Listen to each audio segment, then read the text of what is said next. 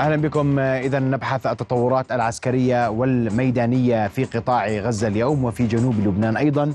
وأرحب بضيفي الخبير العسكري والاستراتيجي نضال أبو زيد. مساء الخير أستاذ نضال. أستاذ محمد. رؤيا بودكاست.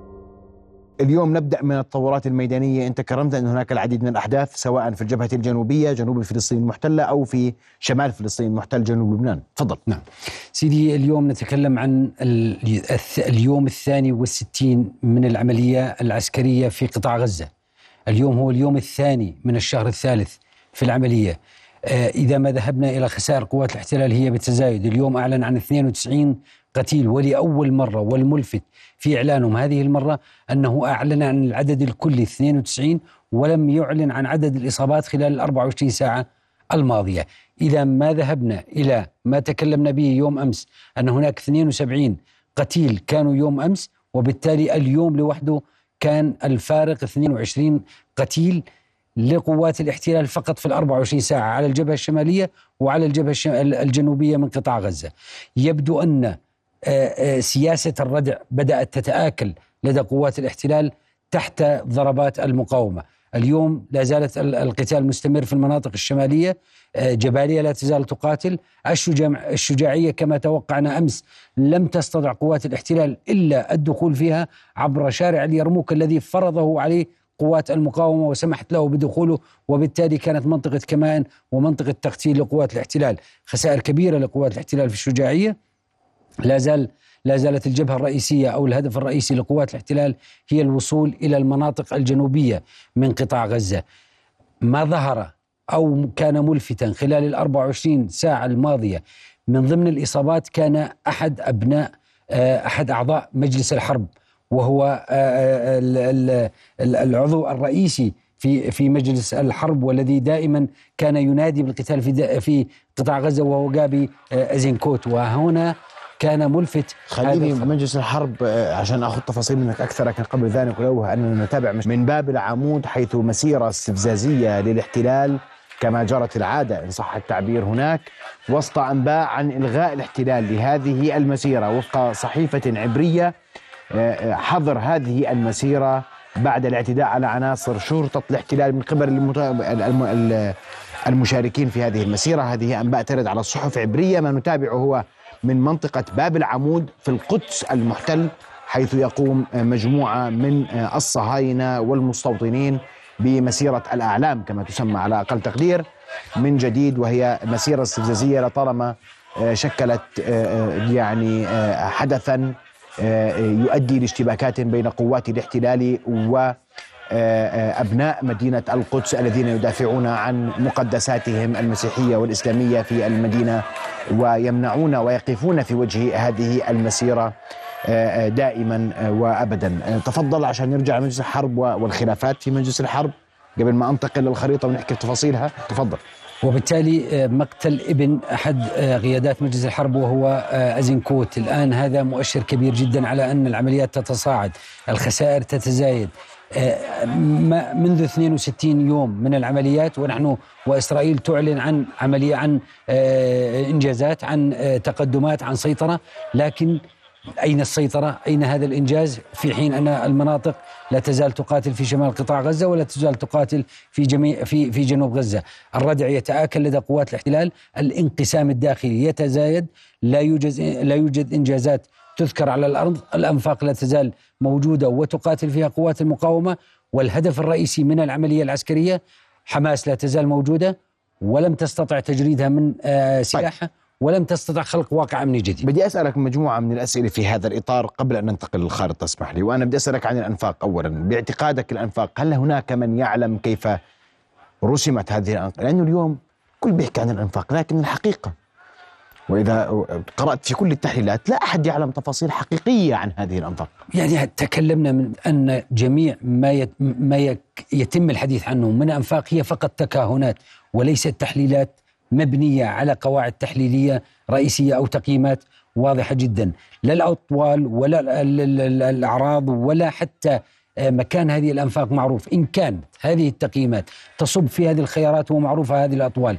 اذا لماذا كل الماكنة الاستخبارية والاستطلاعية الأمريكية ومؤخرا دخلت البريطانية والإسرائيلية لا تستطيع فقط تفكيك هذه الشبكة من الأنفاق التي تتحدث عنها وبالتالي يبدو أننا أمام مشهد معقد جدا من هذه الأنفاق. أنا لا أريد الولوج في موضوع في في ضرب من الخيال أو تكهنات ليست مبنية على تقييمات وبالتالي أنا لا لا أعتقد أن أي من هذه التحليلات يصب في إطار صائب حول هذه الأنفاق إذا ما أخذنا بعين الاعتبار مدى تعقيدات هذه الأنفاق وبنائها وتشكيلاتها. طيب الحديث عن وأنا معلش بدي أستخدم بعض مما ينشر الإعلام العبري نعم. وما يتحدث به نتنياهو يعني شخصيا نعم. يقول لك إحنا حصلنا بيت السنوار وإحنا يعني قربنا نخلص الأمور آه، مع السنوار في حصار بيمتد 24 ساعة دون نتائج أود أن أشير إلى نقطتين. أولا أن بيت السنوار هو على أطراف مدينة خان يونس الشمالية وبالتالي هو حتى ليس قريب ومعروف ومعرف. ولي بالضبط. وليس قريب حتى من بلدية خان يونس وهي أقرب نقطة على الحدود الشمالية لخان يونس. وبالتالي ما تزال قوات الاحتلال في المناطق الشمالية من خان يونس حتى نكون دقيقين ولا نقول أنها ذهبت باتجاه عمق خان يونس وحاصرت بيت السنوار. فيما يتعلق بموضوع بيت السنوار أمس وتقريبا ما بين الساعة الحادية عشرة إلى الثانية عشرة ليلا تم الإعلان من قبل بعض المصادر الإسرائيلية وعلى لسان صحيفة معاريف وهارتس وقالوا أن آه، كذبة آه، حصار بيت, بيت السنوار ليست صحيحة. السبب في ذلك هم لا يريدون العودة إلى نموذج مجمع الشفاء مرة أخرى. هذه الصورة تهشم الصورة الاستخبارية للأجهزة الأمنية الأربعة الإسرائيلية عندما تتحدث عن حصار منطقة معينة ثم ما تلبث أن تنفي الحصار لأنه لا يوجد فيها شيء لا المنطق ولا العرف ولا العقل العسكري يقول أن ممكن أن يتواجد السنوار في منزله في ظل هذه الكثافة من العمليات العسكرية. وبالتالي أنا لا أعرف أين هذا الغباء الاستخباري والعسكري الذي تتمتع به الماكنة الإسرائيلية وتقول أننا ذهبنا باتجاه بيت السنوار. ولكن أنا أفسر بتفسير واحد. أن الضغط الأمريكي لإنجاز العملية والإسراع في إنجاز العملية قبل يناير 2024 دفع القوة الإسرائيلية للذهاب بالاستعجال بأي نصر ممكن حتى لو كان مزيف. وبالتالي هي تريد أن تقول للمجتمع الإسرائيلي نحن وصلنا إلى بيت السنوار وضبطنا بعض الأسلحة إلا أنهم على مشارف آه، خان يونس ولم يصلوا إلى نتيجة من بيت السنوار. طيب المعارك في شمال القطاع وهناك من يقول أنه خفت حدة المعارك خفت حدة الرشقات الصاروخية.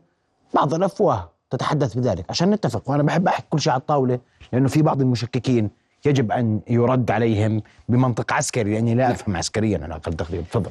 إذا ما ذهبنا إلى رواية أن الحدة القتال اختلفت في الشمال. إذا كيف نفسر مقتل 22 قتيل إسرائيلي في 24 ساعة بتصريحات رسمية إسرائيلية؟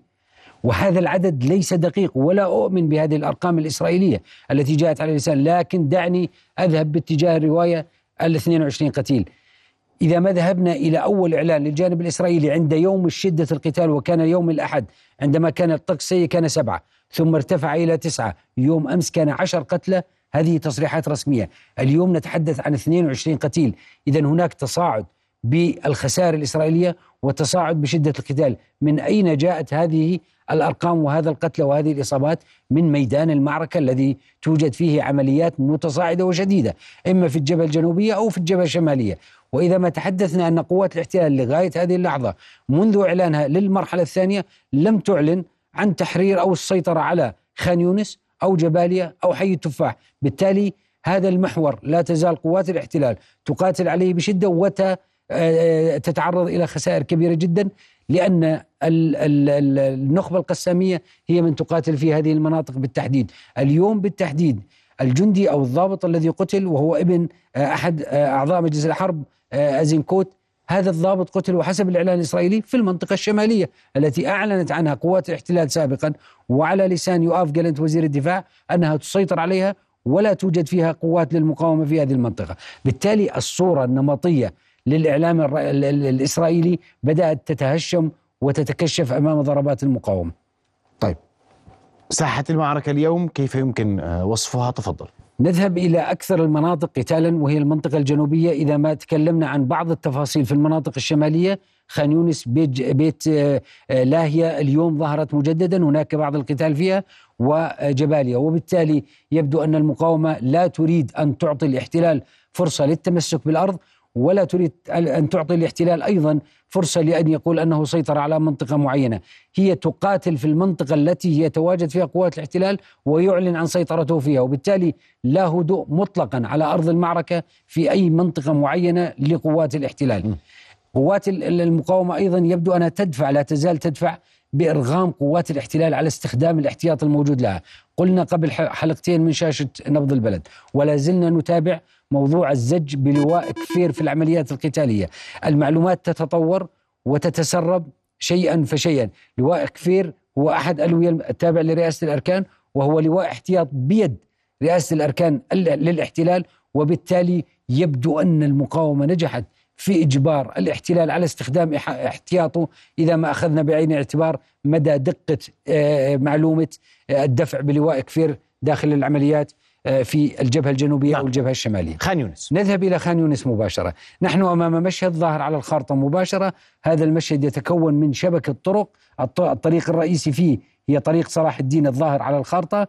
هناك طريق كوسوفي تحدثنا عنها كثيرا تربط بمفترق المطاحن إلى الساحل والطريق الجديد الذي ظهر وظهرت عليه عمليات قتالية وظهر فيه آه، قتال شديد. هي طريق عبسان الذي يتجه من الحدود الشرقية من حدود الغلاف وحتى تخوم الشرقية لخان يونس. هذه المنطقة من خزاعة إلى بني سيلة بني سيلة حدث فيها عمليات آه، آه، قتال شديدة. هناك مقاومة شديدة لقوات المقاومة ضد قوات الاحتلال. هنا أود أن أقف كثيرا عند بني سيلة الملفت في هذه المنطقة أن هذه المنطقة بالتحديد هي المنطقة الذي تم قامت المقاومة بتسليم الأسرى الإسرائيليين فيها في الوجبة الثالثة أثناء الهدنة التي عقدت بين الجاء الاحتلال وقوات المقاومة. عندما قامت المقاومة بتسليم الأسرى في الوجبة الثالثة في منطقة خان يونس هي كانت في منطقة بني سيلة بالتحديد وبالتحديد في بالقرب من جامع يعرف بجامع الظلال وهو قريب من بني سيلة وبالتالي يبدو أن هناك مشهد استخباري بدأ يتصاعد على سطح العمليات. يبدو أن جمع معلومات تم من خلال الأسرى الذي أطلق سراحهم أشاروا إلى أنهم ظهروا أو شاهدوا هذه المنطقة أو كانوا موجودين في هذه المنطقة. المشهد اليوم الذي ظهر وشاهدناه وتم تسريب مقاطع منه تم تجميع بعض المدنيين وخلعوا لباسهم ووجدوا في بعض المناطق. هذا المشهد بالتحديد يبدو أن قوات الاحتلال تستموت في الحصول على أي معلومة سواء من المدنيين أو من الأسرى الذين تم إطلاق سراحهم وبالتالي نحن ليس فقط هذا أمام تتحدث عن مشهد الاعتقالات. مشهد الاعتقالات وبالتالي نحن ليس فقط أمام معركة برية هذا هذا مشهد الاعتقال هذا ليس اعتقالا عسكريا تحت أي ظرف هذا اعتقال إرهابي. هذا يذكرنا بمعسكرات النازيين في ألمانيا في الحرب العالمية الثانية عندما تقول تقوم باعتقال مدنيين بهذا الشكل وهذا المنظر. هذا يخالف كل الأعراف الدولية. وبالتالي حتى لا أبعد كثيرا عن مشهد العمليات. والحقيقة أنا لا أرغب ببث ولا نرغب كفريق عمل ان ان أن نبث المشاهد لأنها مشاهد لا يمكن وصفها إلا أنها بمشاهد مقرفة لجيش لا يعلم كيف يتعامل هو من جيش عصابة فالعصابات لا يروج لها ولا لما تفعل لذلك. نمتنع عن نشر هذا الفيديو لأن عصابة كهذه تحتاج العالم أن يعلم ماذا يف ماذا تفعل وهو يعلم. ولا يدري ولا يريد أن يدري أو يسمع أو أو يتحرك تجاه كل ما تفعل تفضل. نعم وبالتالي نحن ليس فقط أمام مشهد من العمليات البرية أو العمليات الجوية، الآن بدأنا نشاهد مشهد من العمليات الاستخبارية، هناك استخبارات هجومية من قبل قوات الاحتلال. الجمع بهذه الطريقة وجمع الرجال بهذه الطريقة واصطحابهم إلى مناطق غير معرفة هو لغايات استخبارية لا أكثر. غايات استخبارية عمليات تحقيق عمليات استجواب عمليات جمع معلومات أو عمليات تجنيد عملاء. ولا أعتقد أن قوات الاحتلال قادرة على الجمع الكثير هي تريد كم هائل من المعلومات حتى تقوم بتحليله ومن ثم الخروج بخلاصة أو بمعلومات قد تفيد عن وجود بعض الأنفاق أو بعض الشخصيات التي تريد الوصول إليها. ما يهم قوات الاحتلال يبدو أن ما يهم قوات الاحتلال في هذه المرحلة في ظل زيادة كثافه الاستطلاع الجوي الأمريكي الذي أعلن عنه رسميا مع ساعات مغرب اليوم ستعود طلعات الاستطلاع الجوي الأمريكي الزج بطائرات الاستطلاع البريطانية التي تحدثنا عنها يوم أمس بالإضافة إلى العمليات الاستخبارية وما يعرف في العرف العسكري بال information operation أي عمليات المعلومات داخل العمليات العسكرية. هذا المشهد الاستخباري كله يبدو أن قوات الاحتلال ينطبق مع ما تحدثنا به يوم أمس. أنها تستعجل تريد الوصول إلى منجز معين. قد يكون هذا المنجز من قبيل الوصول إلى مكان الأسرى. أو الوصول إلى مكان قيادات المقاومة وأنا لا أعتقد في ظل هذا الاستعجال قد قد تحصل الاحتلال على أي معلومات يمكن أن بني سهيلة وخزاعة هم مراكز عمليات الاحتلال إن صح التعبير أو عمليات المقاومة في خان يونس. نعم. وهذا الطريق بالذات هو يوصل إلى المناطق الشرقية. إذا الآن من هذا الشكل للعمليات ماذا تريد قوات الاحتلال؟ تريد الإطباق على خان يونس من القطاع الشمالي من خلال التقدم باتجاه طريق صلاح الدين وتريد الإطباق على خان يونس من الجهة الشرقية من خلال التقدم على طريق عبسان.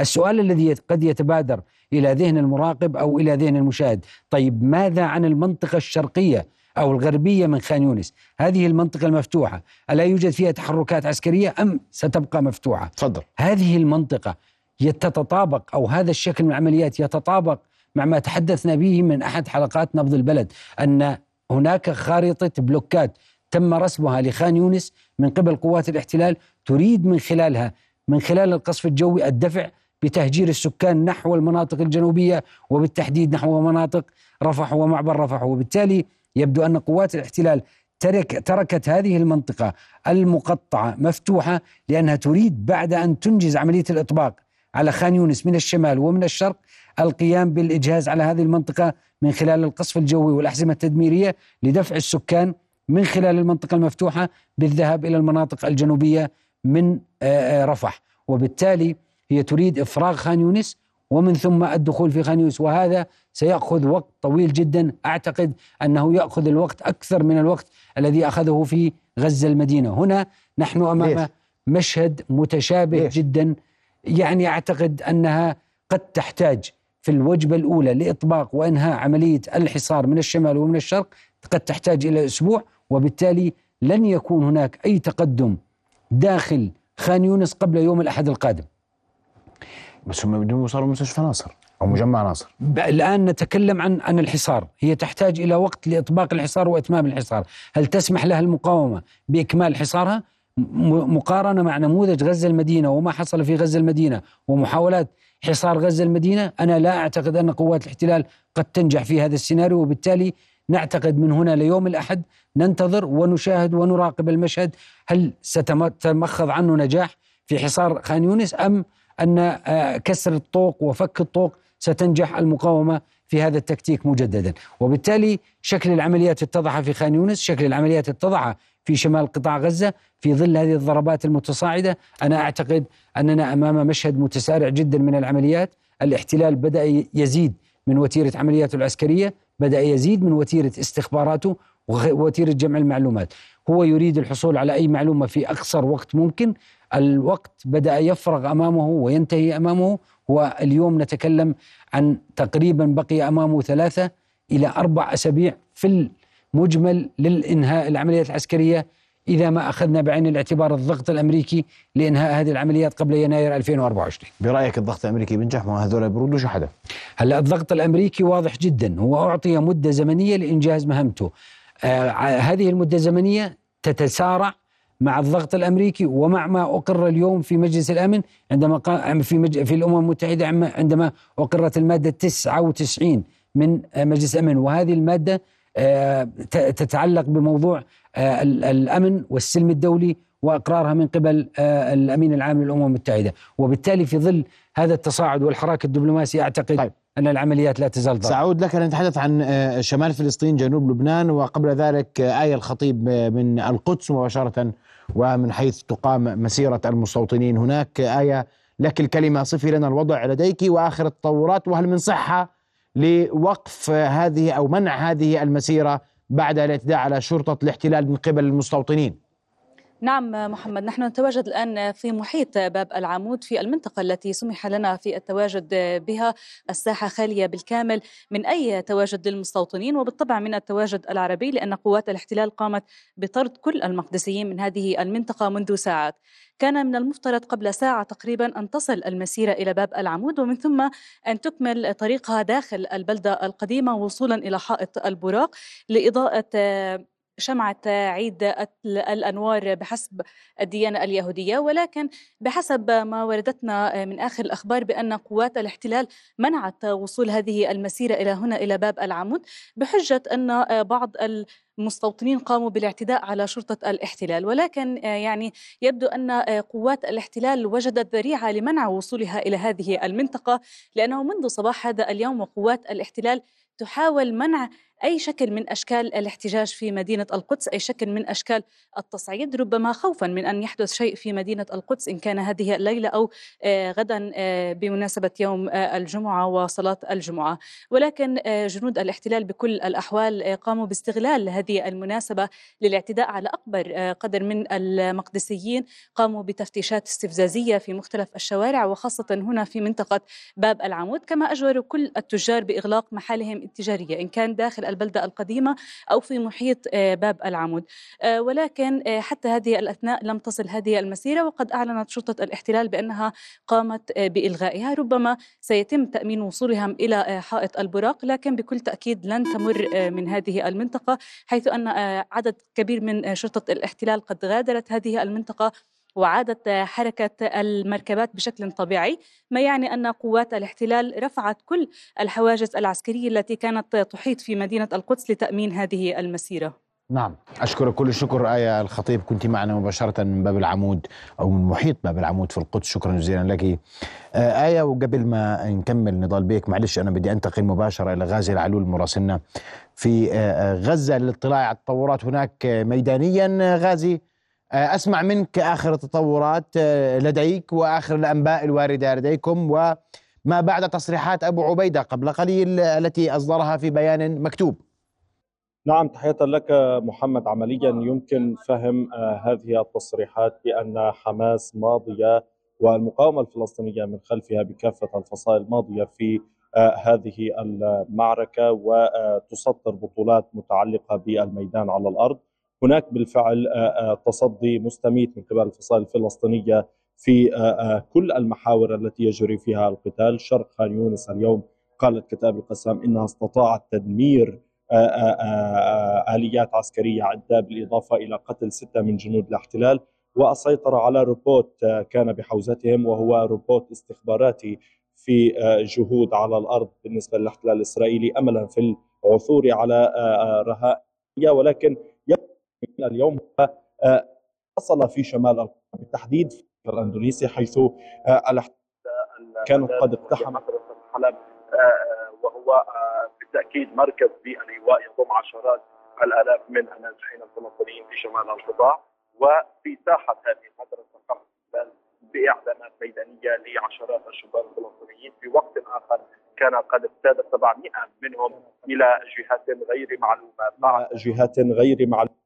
بعد اعتقال وطبعا آه، هم مدن لاي من الفصائل الفلسطينية جردهم من ملابسهم وكان آه، قد اقتادهم إلى جهة غير معلومة، هذا الأمر يحدث لأول مرة بهذه الشاكلة في قطاع غزة، كان هناك بالفعل اعتقالات ميدانية آه، خلال عملية النزوح من شمال القطاع في اتجاه الجنوب على حاجز ميت سريم أو في هذه المنطقة بالتحديد على طريق صلاح الدين، ولكن بهذا الشكل هي المرة الأولى التي تحدث في قطاع غزة، هذا الأمر يعتبر خطير للغاية في الوقت الذي تحاول فيه الفصائل الفلسطينية تبييض كافة السجون آه، سجون الاحتلال آه، من خلال المقاومة ومن خلال التشبث بشروطها ومواقفها المتعلقة بهذه الحرب، يقوم الاحتلال الاسرائيلي الآن باعتقال مزيد من الفلسطينيين هذه المرة من قطاع غزة. كل هذا يأتي بالتزامن مع استمرار القصف في عدة محاور في شمال القطاع وكذلك في مدينة خان يونس. الاحتلال يتبع سياسة الأرض المحروقة نعم. يقوم بتدمير منازل عدة تمهيدا غازي شدة القصف هذه الليلة هل هي توازي الليالي السابقة؟ يعني نحن نتحدث كل ليلة على أنها الأعنف من الليلة التي سبقتها. هذا الأمر اعتدنا عليه منذ بداية هذه الحرب. عليه منذ بداية هذه الحرب. جنوب القطاع منذ بدء هذه العملية العسكرية بالفعل مدينة خان يونس لا تعرف معنى للنوم آه، بسبب الكثافة النارية بسبب التدمير الذي يطال منازل لمدنيين والذي آه، بطبيعة الحال يلقي بظلاله على المنظومة الصحية المتهالكة والمنهارة أصلا. من متعلقة بهذا الجانب 46 ألف آه، مصاب داخل مستشفيات القطاع وغيرهم ممن خرجوا لتلقي العلاج في الخارج هذا رقم مهول بالإضافة إلى أن عدد الشهداء ارتفع إلى 17177 شهيدا في إطار طبعا استمرار هذه الحرب وأيضا لا زال نحو 600 أو 6000 عفوا مفقودون تحت الانقاض، كل هذه الأرقام بطبيعة الحال تنعكس على المنظومة الصحية التي فقدت القدرة على تلبية الاحتياج الحقيقي في شمال القطاع بعد اخراج مستشفى كمال عدوان عن الخدمة. وبالتالي عمليا نحن نتحدث عن 20 مستشفى آه، بالتمام والكمال خرجوا آه، عن الخدمة وتلبيه الاحتياجات الطبية تبقى فقط المستشفى الأبرز وهو مجمع ناصر الطبي والخشية من أن الاحتلال قد يصل إلى هذا المستشفى في قادم الأيام في إطار تطويقه مدينة خان يونس والبحث عن رهائن أو عن قادة لحماس. رهائن أو عن قادة لحماس. نعم آه، غازي أشكرك كل الشكر. غازي العلو كنت معنا مباشرة من رفح. شكرا جزيلا لك غازي. ومن حيث انتهى غازي مجمع ناصر الطبي الهدف واضح ليس لا, لا لأهداف عسكرية ولا لاهداف آه، استخبارية هي أهداف إخراج المنظومة الصحية عسكريا من آه، العمل ميدانيا لأي خدمة إنسانية وهو يريد الضغط على الغزيين إن صح التعبير صحيح؟ صحيح. بالإضافة لذلك هو المستشفيات يبدو أنها تشكل بنك للمعلومات من خلال الوصول إلى سجلات المرضى أو الوصول إلى بعض الأطباء. إذا ما قارنا بمدير مستشفى أو مدير مجمع الشفاء الذي تم اعتقاله ولغاية الآن لا توجد أخبار عنه وبالتالي هم قد يكونوا يقوموا بجمع المعلومات من خلال الكوادر الطبية الموجودة أيضا داخل المستشفيات. هي ليست وسيلة ضغط طبية وصحية على القطاع الطبي فقط أيضا هي وسيلة ضغط أنا فقط أود أن أشير إلى نقطة أشار إليها غازي غازي العلول حين قال أن المقاومة نجحت في ضبط روبوت كان موجود آه، في المحيط نعم. خان يونس للوصول إلى الأسرى بالتالي هذا يصب بما تكلمنا عنه أن عمليات جمع المعلومات والاستخبارات بدأت تنشط أكثر من السابق في محاولة للوصول إما للأسرى أو لقيادات آه، من حماس. شمال آه، فلسطين جنوب لبنان. التوصيف أنها أكثر حدة اليوم. ارتفعت وتيرة العمليات اليوم في جنوب آه، لبنان. زاد القصف الإسرائيلي. اختلفت نوعية القصف الإسرائيلي. استخدم قذائف أكثر حدية. هو يتكلم عن محاولة لدفع قوات وعناصر حزب الله أو أي قوة مسلحة إلى ما خلف نهر الليطاني. اليوم كان وزير آه، الدفاع في الحدود الشمالية من الأراضي المحتلة زار هذه الحدود واطلع على المناطق وأرسل إشارتين الإشارة الأولى أن الدفع باتجاه خلف الليطاني إذا لم يتم عسك... آه، دبلوماسيا فإننا سنضغط على ذلك عسكريا أو بالوسائل العسكرية. قضية نهر الليطاني حتى تتضح الصورة للمشاهد الكريم نهر الليطاني بعد عمليات أو بعد الحرب في 2006 تم عقد هدنة بموافقة الأمم المتحدة آه، بما عرفت بالخط الأزرق. هذه منطقة الخط الأزرق هي تقريبا عند نهر الليطاني. تتواجد فيها قوات دولية تعرف بقوات اليونيفيل. جنوب نهر الليطاني. الآن الاتفاق الذي حصل في 2006 ركز على نقطة عدم وجود أي عناصر مسلحة داخل منطقة الخط الأزرق أو ما عرف بمنطقة جنوب نهر الليطاني. إسرائيل تريد العودة إلى هذا الاتفاق ودفع حزب الله إلى خارج نهر يقبل حزب الله بهذه الشروط؟ أنا لا أعتقد أن حزب الله يقبل لأن هناك مناطق متنازع عليها زي مزارع شبعة زي رويسات العلم وزي رأس الناقورة. وهذه المناطق لا تزال أمام المحكمة الدولية لم تحسم فيها. وبالتالي دوليا وشرعيا لا يزال حزب الله ضمن الشرعية الدولية في تلك المناطق.